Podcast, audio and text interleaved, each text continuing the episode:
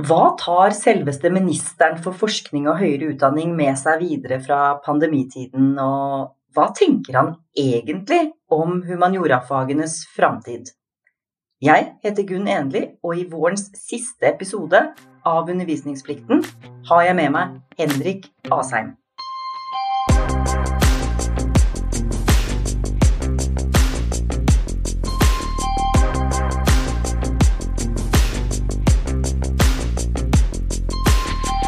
Du som eh, minister for forskning og høyere utdanning eh, i denne perioden med pandemi, altså, du hadde ikke så mange måneder før pandemien brøt løs. Så din periode har vært preget av pandemien. Du har sett sektoren ganske mye i sånn pandemimodus. Eh, hvordan syns du det egentlig har gått, altså både å være minister og med, og med sektoren? Nei, altså det er klart at Da jeg kom inn i slutten av januar 2020, så hadde jeg vel litt andre planer for hva jeg skulle bruke tiden min på enn det det endte opp med. Jeg hadde tenkt også til å reise litt mer enn det det ble mulighet for. Men det er klart at når noe sånt slår inn, så slår det jo voldsomt inn i en sektor som har ansvar for ja, 300 000 mennesker i Norge.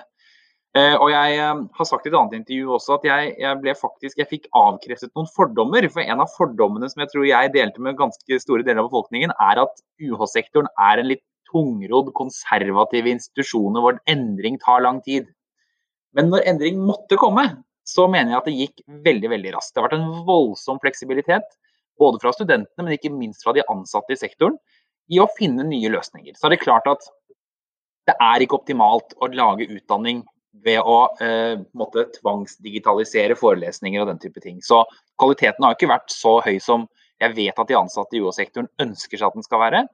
Men alt i alt så har dette gått eh, bedre enn man kunne frykte, i hvert fall. Ja, det er jeg helt enig med deg i. Og det, den konservatismen har jo fått uh, utfordret seg. Altså, det nytter jo ikke å sitte stille i båten. Man er nødt til å, å ta grep. Og det mm, som jeg også lurer litt på, det er eh, fordi at noen, noen, ting har gått bra her, ikke sant. Noen ting har gått mindre bra. Eh, men hva er det vi bør ta med oss videre fra pandemien nå som det ser ut til at vi får en gjenåpning og, og kan komme tilbake til campus da? Altså, jeg tror å ikke få fnatt nå. fordi dette kan, eh, jeg, jeg, har sagt det noen ganger, og folk får litt spade, for de tror at jeg nå er veldig fascinert av dette å ha forelesninger på Zoom f.eks. Det er jeg ikke. Men jeg tror det kan ha startet noen prosesser rundt både utdannings, altså hvordan man skal utdanne, og man skal kanskje ha flere av forelesningene på podkaster og bruke undervisningstiden på å diskutere innholdet, en del sånne ting som det. Der tror jeg det har skjedd noen ting. Jeg har også snakket med en del studenter som faktisk har trivdes bedre med den, den kombinasjonen. Så er det viktig å huske på at i Norge så har det vært veldig ulikt. Hvis du studerer i Oslo eller tidvis i Bergen, så har det vært helt stengte campus. Andre steder har det ofte vært meteren som har gjort at noe har blitt digitalt, noe har blitt fysisk. Så noe av det som jeg tror vi kan ta med oss, er i hvert fall å bruke det som har fungert, til å gjøre utdanning tilgjengelig for flere, eller ha litt ulike måter å lære på. Men så har vi også lært en annen ting. Og det er hvor viktig for utdanningskvalitet og trivsel det er å få være sammen med sine medstudenter. Eh, fordi det er helt åpenbart at selv om mye har på en måte studiepoeng, produksjonen har gått greit, eksamen er avlagt og sånn, så har det vært et lavere kvalitet, for du får ikke møtt og diskutert og brynt deg på medstudenter og de som er forelesere og ansatte sektoren, i sektoren.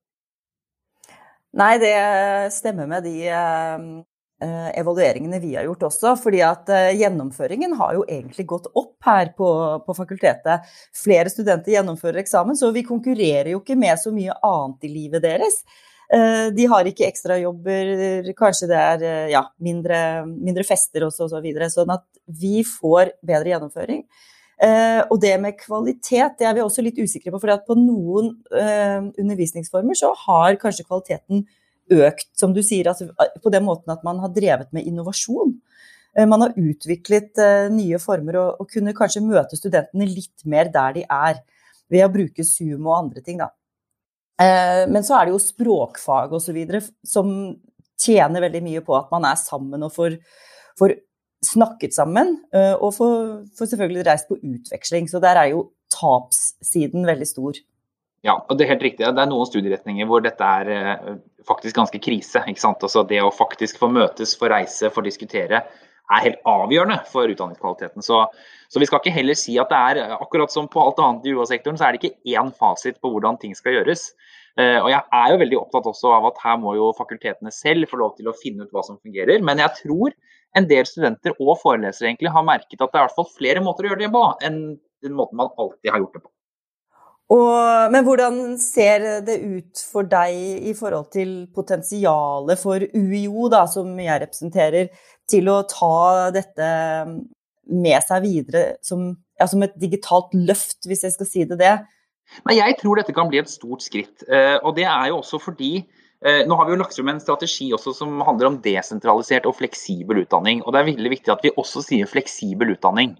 For det handler jo egentlig om å gjøre UiO også relevant for en kanskje voksen person som har en utdanning i bånn, som bor et steinkast fra Blindern, men som ønsker å lære på en litt annen måte. Og Noe av det som har vært vårt ønske, har jo vært å sørge for at det fantastiske tilbudet som så mange studenter får benytte seg av, det bør flere få muligheten til å koble seg på. Eh, og Jeg har diskutert dette mye også med både Svein Stølen og andre rektorer som jo selvfølgelig har veldig viktig, en veldig viktig innsigelse. og Det er at utdanning er mer enn bare studiepoeng. Utdanning er også dannelse, det er å møtes, det er alle disse tingene. Og det er jeg helt enig i. Det finnes ganske mange mennesker som vi nå går rundt Og alle sier det, at vi kommer til å måtte lære hele livet, og samfunnet er i omstilling og sånn. Vel, da må vi også sørge for at det flotte utdanningssystemet vi har, er tilgjengelig for flere. Vi kan ikke bare gå med pekefingeren og si at du må ta videreutdanning. Da må vi også sørge for at det finnes tilbud der ute som er relevante. Ja, for jeg har jo forsvart heltidsstudenten og idealet om at man har en fase i livet hvor man studerer, og da lever man kanskje litt sparsommelig, man bor på hybel, og man får erfaringer og nye venner, og alt er gøy med å være student.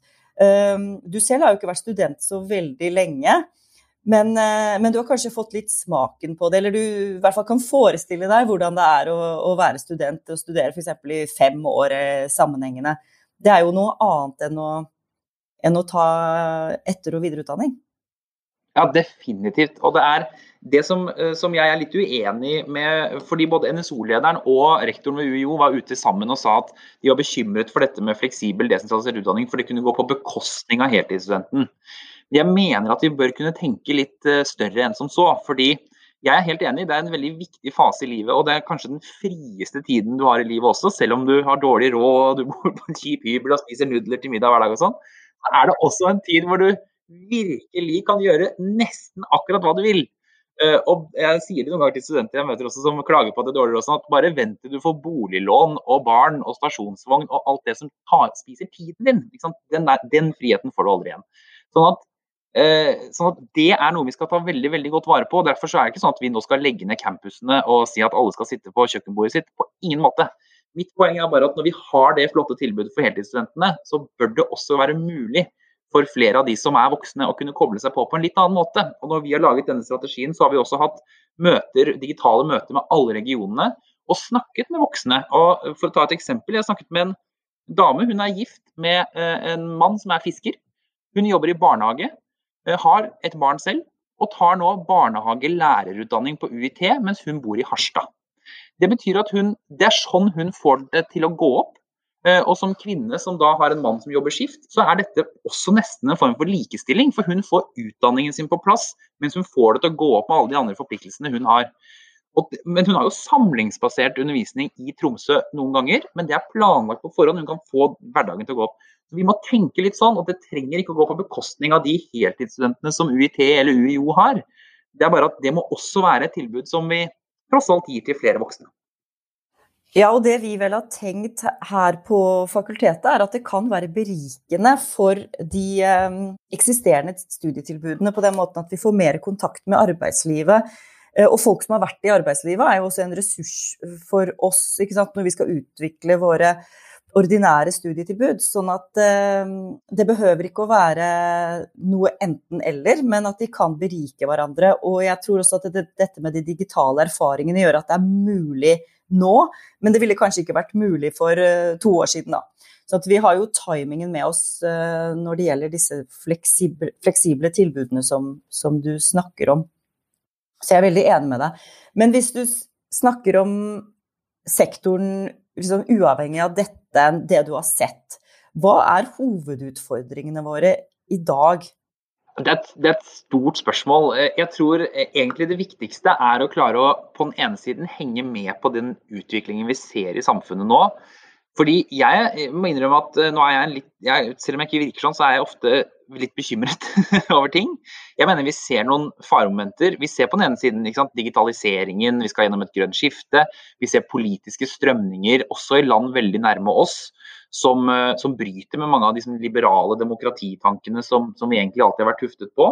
Her må høyere utdanningssektoren vår være en, eh, et bolverk mot også den type ideer. Så det å ha en, en sektor som klarer å fange opp de strømningene, tror jeg er veldig viktig. Eh, derfor, derfor, er jeg også opptatt av det å gjøre utdanning tilgjengelig for flere. Også de som ikke har en høyere utdanning og som aldri tok det, bør kunne ta det senere. For å få den dannelsen også som det innebærer å ta en høyere utdanning. Det andre er jo et veldig konkret problem, og det er ikke et nytt problem, men det er noe som jeg mener vi bør ha mer oppmerksomhet på, og det er gjennomføringen i høyere utdanning i Norge. Fordi fortsatt er den for lav, eh, og det er litt vanskelig å forklare det. Eh, men vi, vi, kan ikke slå oss til ro. Vi, vi, feiret i en pressemelding nå at 50% gjennomførte på normert tid på bachelor. Og det er, det er, veldig bra, imponerende for de 50% i et år som dette. Det er bare at vi må ha høyere ambisjoner på gjennomføringen som så. Da, da tror jeg ikke at det er bare måltall og regler og direktiver fra departementet som hjelper. Men det er veldig spennende å ha en diskusjon også med sektoren og studentene selv på hva er det som kan føre til at flere fullfører raskt. For det vil være veldig viktig for studenter også, som man kanskje ikke tenker på der og da men for livet generelt, og bli ferdig med utdanningen sin på et tidspunkt også. Ja, kjempegjenkjennelige poenger, dette. Altså, frafallsspøkelset er jo veldig stort her på, på de humanistiske og, og, for så vidt samfunnsvitenskapelige fagene særlig, men hele UiO har jo frafall. Også på profesjonsstudiene. Så, men det gir seg større utslag hos oss. Da, så så vi har jo prøvd eh, hva er det, 125 tiltak mot frafall, og det eneste vi vet er at eh, vi kan ikke måle at noen av de har virket. Nei. Men jeg mener dette like seriøst som deg, at dette er et stort problem for studentene selv, og for også underviserne, og for oss, altså for økonomien vår. Og det er jo, det er jo åpenbart den største utfordringen vi har. Men hva tror du, hva tror du er grunnen? altså hvis du ser bort fra de 125 tiltakene? Ja, jeg tror at noen av de tiltakene er jo sånn pizza og tiltak som man ville lett kunne avfeie med ikke betyr noe. Men jeg tror at samlet sett så tror jeg kanskje de har virka. Eh, og grunnen til at mange slutter, er jo at de ikke helt vet hva de vil, og at de kanskje prøver seg fram. Og at det, det kanskje vi må akseptere en viss grad av frafall. Altså fordi det handler om omvalg. At man ikke starter ut med at jeg vet at jeg skal bli prest, eller jeg vet at jeg skal bli lektor i norsk, ikke sant? men at man sier jeg vet at jeg skal ta utdanning, alle i Norge må ta høyere utdanning i dag, ehm, jeg bare begynner på noe. Og så er det mange som bare begynner der de kommer inn, da. Sånn at du, du kan ikke heller velge ut ifra karakterer. Selv om du ville blitt lege, så må du kanskje begynne å studere noe helt annet. Og så blir det noen venteår. Så kommer det i frafallsstatistikken. Så jeg tror der har vi også en del ting vi ikke kan gjøre noe med. Eh, men så har vi også noe vi kan gjøre noe med, og det tror jeg er eh, faglig-sosialt tilhørighet. Og faktisk at vi stiller større krav til studentene, sånn at de føler at det betyr noe. Om de kommer, om de deltar, at de får hyppige innleveringer, tror jeg er bra. Altså all type sånn eh, lock-in-mekanismer da, som de bruker i spill og sosiale medier og sånn, er jo at du skal få lyst til å bruke mer tid der. Og at du skal føle at du har et en lojalitet. Eh, men også at du skal også føle at jobben din er arbeidslivsrelevant. Mm. Jeg tror at det er veldig vanskelig å studere veldig lenge hvis du ikke tror du kan få jobb. Eller er usikker på ja, er dette bortkastede år, bortkastede studielånsinvesteringer? Sånn at uh, vi bør nok synliggjøre arbeidslivsrelevansen av særlig HUMSAM-fagene. Nei, Vi har jo også løftet dette med at uh, kanskje vi bør ha praksis i flere av uh, også den type fag. og Dette har jeg utfordret også mine kolleger i, uh, i regjering på. At departementene f.eks. bør jo ta inn flere praksisstudenter som fra HumSam for eksempel, som kan se sammenhengen mellom det du har lært og hvordan et samfunn styres og hvilke dilemmaer man havner i i politikken f.eks.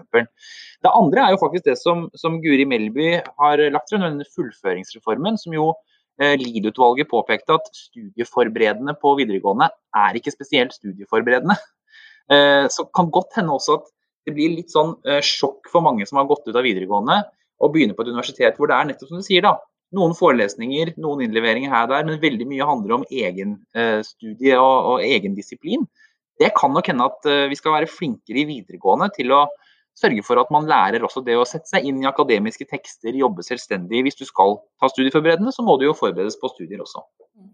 Ja, det er jeg enig i. Det handler jo om at det er et for stort gap mellom videregående og Og jeg snakker jo med studentene mine om dette når de kommer. Altså universitetet er sånn, videregående skole er sånn, og de jeg sier dere bør ikke kalle dette for skole, men likevel så gjør de jo det. Jeg skal på skolen i dag, sier de. Og så, ja. og så prøver vi å avlære de at de er ikke elever, dette er ikke skole. Men dette med å lese lange tekster, dette med å lese engelsk, dette med kritisk tenkning, selvstendighet og ta ansvar for egen læring, det er jo noe som ikke hjelper å bli fortalt. Du må jo trenes i det.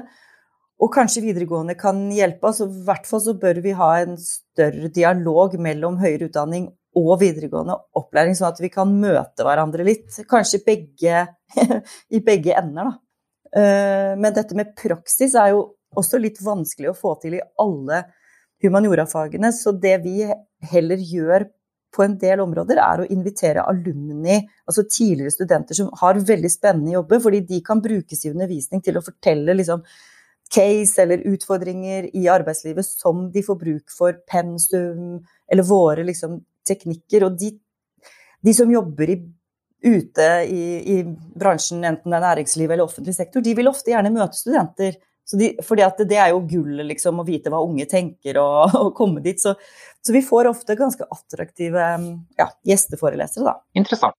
Det, problemet du nevnte med polarisering, eller at det blir stor forskjell mellom de som har utdanning og de som ikke har det. Ehm, hva tenker du da at ja, uansett hva slags utdanning du får, så vil det ligge en dannelse i det? Ja, og så tror jeg du lærer, altså du lærer f.eks. kildekritikk.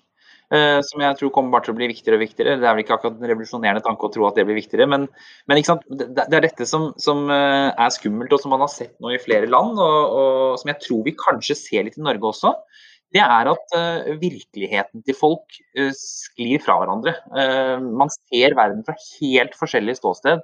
og Det er jo også fordi du får jo, som vi vet med disse algoritmene, sånn, du får bare de nyhetene som du selv leser og klikker på. og Det å da ha den kildekritikken, det å stille de riktige spørsmålene når du får en rapport som viser noe helt oppsiktsvekkende, er jo en del av det som høyere utdanning lærer deg. Så, så, jeg tror det, det er en av nøklene altså, til at flere kan at vi kan se hverandre i øynene, på en måte, selv om vi ikke trenger å være enige om alt. Så må vi liksom ha, eh, ha samme utgangspunkt. Ja, og man lærer jo Vi har jo X-FIL på det, fakultetet, ikke sant. Tidligere var jo det forberedende og mye større, men nå er det jo fortsatt veldig viktig, og alle studenter tar jo det, og der lærer man jo logikk og oppbygning av argumentasjon. Og det, det, er jo en form for dannelse, at man hører andre argumenter, og at man kan gjennomskue uh, argumentasjon som, som, er fullstendig urimelig. Og, og, det er jo, ja. Så vi tenker også at kildekritikk og kritisk tenkning er kanskje de mest sånn generiske ferdighetene du lærer på HF. da. Eh, men hvis vi skal snakke litt mer om humaniora, hva tenker du er liksom, utfordringene for akkurat humaniora-fagene i dag, og, og, hva bør vi satse på liksom, de neste ti årene? Nei, altså, jeg tror egentlig veldig på tverrfaglighet. Altså, jeg tror at humaniora kommer til å være viktig i alle fag.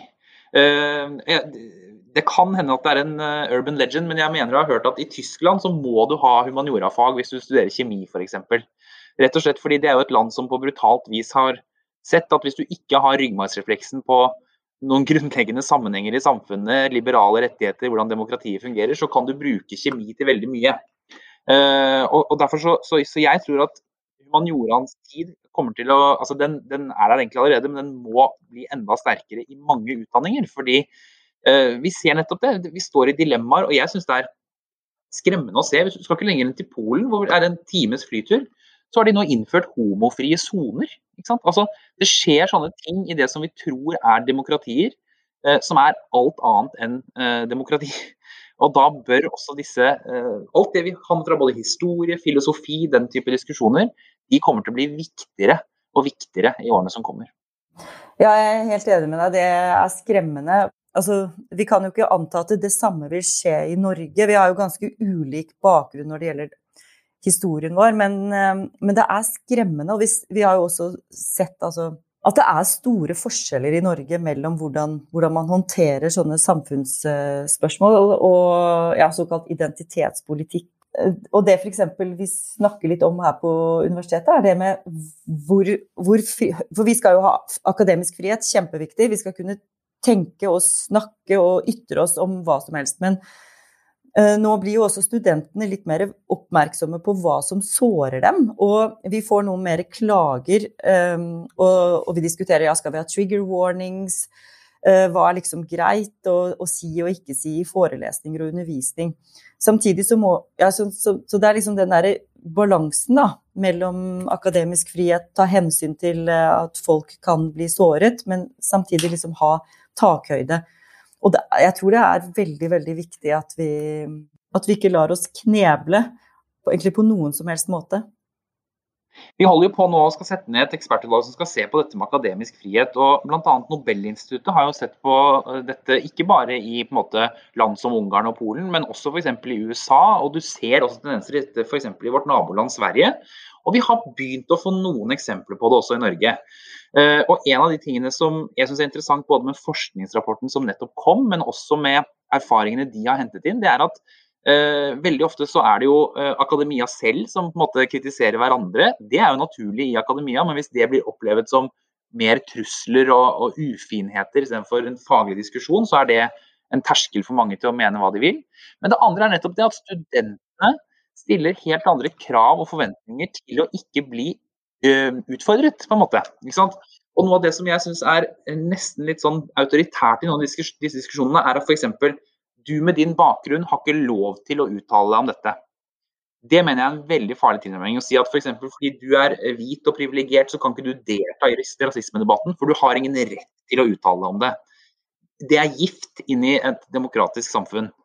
Eh, så, så vi, må, vi, må, sørge for at det er altså det, må være, det kan ikke være sånn at du blir, eh, ikke skal bli liksom, eh, utfordret eller spurt om noe som, som er noe rart. Jeg kan si selv jeg eh, som homofil mann har veldig mange ganger sittet i en middag eller noe sånt, hvor noen har spurt uh, uh, hva gjør dama di? uh, ja. og det er ikke så rart, det. fordi hvis du ikke kjenner noen, så antar du Det er jo 90-10 da, sjanse for at det er en dame og ikke en mann. Det er ikke krenkende mot meg at vedkommende gjør det. Så Vi må ikke havne der hvor det å bare stille spørsmål, ha en åpen diskusjon være, Hvis vi blir så redde for å såre hverandre, at ingen tør å bare snakke med hverandre. Så Det er jeg veldig veldig redd for, og det tror jeg særlig akademia er veldig skadelig. Ja, det er veldig hemmende. Det er ikke, det er ikke sånn at alle heier på hverandre. Det, og det bør det kanskje ikke heller være. Man må være tykkhudet. Men jeg tror nok vi har en vei å gå, gå der. Og akkurat nå er det, er det, viktig at vi snakker ganske mye om det. Altså i, i, Stockholm så var det jo en uh, professor som skrev jeg husker ikke om det var en bok eller om det var et, uh, som het 'Det hvite rommet'. Eh, og Det hvite rommet er et rom i eh, slottet i Stockholm. Altså Det som var utgangspunktet. Eh, da ble han beskyldt av en del studenter for å være rasist, for å snakke om Det hvite rom osv. Det tøffeste for han visstnok var jo at han kom på jobb dagen etter, og da hadde en haug av kollegene hans skrevet under på et opprop om at dette var rasisme osv. Og, så og det, det var det jo ikke. Rommet heter Det hvite rommet, det har ikke noe med hudfarge å gjøre i det hele tatt.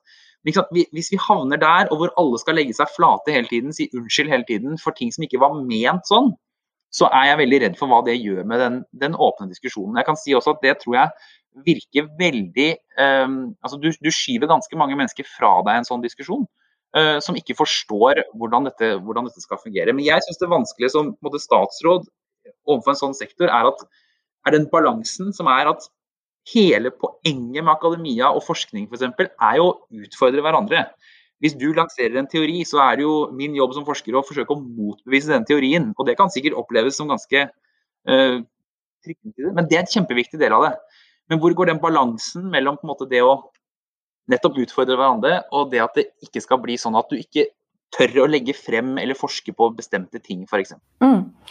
Ja, fordi um, man får jo hele tiden kritikk, og det for det man gjør. Altså arbeidene blir jo bedre av kritikk. Og det er jo derfor vi har peer review, og det er derfor vi har systemer for å for å si ganske direkte til hverandre at uh, dette kapitlet fungerer ikke, eller denne teorien holder ikke, eller du må, du må gjøre om på det. Det, det. det, får man helt fra, fra man begynner som ph.d.-kandidat.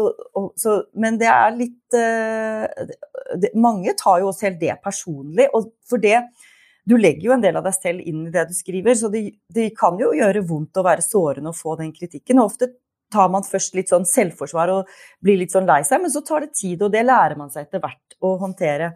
Eh, men det er, nok, eh, det er nok annerledes når det blir sånn politisk synspunkt, eller at man blir tatt til inntekt for noe, og det blir lagt mer og mer personlighet i det. da.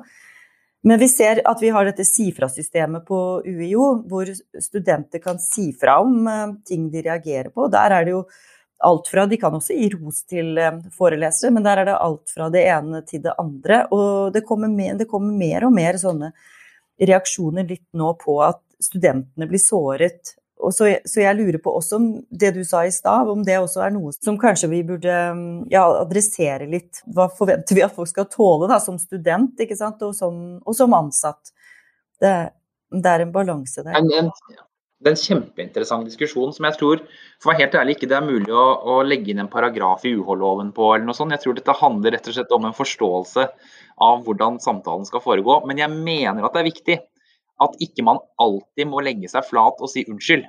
Du skal si unnskyld hvis du har gjort noe som faktisk ikke var bra. Det har vi jo lært siden vi var små. Men hvis vi alltid bare rygger fordi det er det letteste, så er jeg redd for at det blir også en litt sånn autoritær eh, holdning. og bare for å gjenta meg selv, nettopp den, Det er en stor forskjell på å si jeg er veldig uenig med det du sier, og si at du har ikke lov til å si det. Eh, det er to forskjellige ting. og det, ja, så, så, dette er en kjempeinteressant diskusjon. Som, og Noe av grunnen til at vi setter ned ekspertutvalget også, er jo fordi vi ønsker den diskusjonen opp. Vi håper jo at dette ekspertutvalget og jeg har lyst til å bidra til det selv også, kan få i gang diskusjoner ute på institusjonene. Nå kan man jo ha mer samlinger med studenter og sånn. Eh, for å trekke opp noen av disse grensene, da. Ja, og jeg håper jo at uh, universitets- og høyskolesektoren vil ligge i front i den utviklingen, og at vi vil skape rom for at studenter, uh, både unge studenter og studenter som tar utdanning senere i livet, vil få liksom sånne muligheter til å bryne seg og utvikle seg uh, i møte med andre. Da det er jo, jeg syns det er det aller beste ved universitetet. Det er jo å være et fellesskap for liksom, tenkning og utfordre eksisterende tanker og komme videre. Jeg håper jo at eh, de neste ti årene vil bli gode for både UiO og hele sektoren og, og humaniorafagene. Og som du sier, så er tverrfaglighet nok eh, den liksom, veien å gå for at vi fortsatt skal være relevante. Og tusen takk for at du stilte opp her, da. Ønsker deg lykke til også med din periode videre. Håper at du får oppleve akademia uten pandemi. Ja, takk skal du ha. Det, uansett hva som skjer 13.9, så får jeg i hvert fall være med på studiestart. Så nå får jeg i hvert fall liksom være litt ute og se at campusene våkner i live igjen. Det gleder jeg meg enormt mye til, og det er veldig, veldig hyggelig. At vi nå også faktisk har klart å få bevilget litt mer penger til nettopp fadderuker og studiestart. Og at studentene nå får andre dose vaksine på, uh, i studiekommunen sin det er to grep som kan gjøre at uh, man heldigvis kan gå en bedre høst i møte enn de siste 15 månedene har vært. Ja, det så jeg i, i, Krono, at det kommer både vaksiner og penger til uh, studiestart. Så dette jo, lover jo godt for en god, lang festuke. Og du er, hjertelig, vel, du er hjertelig velkommen til UiO for å delta og, og hilse på. Tusen takk, det skal jeg love å gjøre. Takk for at du hører på Undervisningsplikten, som er min podkast om høyere utdanning. Vil du høre hva Guri Melby eller Jonas Gahr Støre tenker om humaniorafagene? Eller hva som er de viktigste digitale lærdommene fra 2020 og 2021? Da kan du finne fram undervisningsplikten i podkastappen din. Jeg, Gunn Enli, studiedekan ved Det humanistiske fakultet, tar nå sommerferie. Men vi høres til høsten.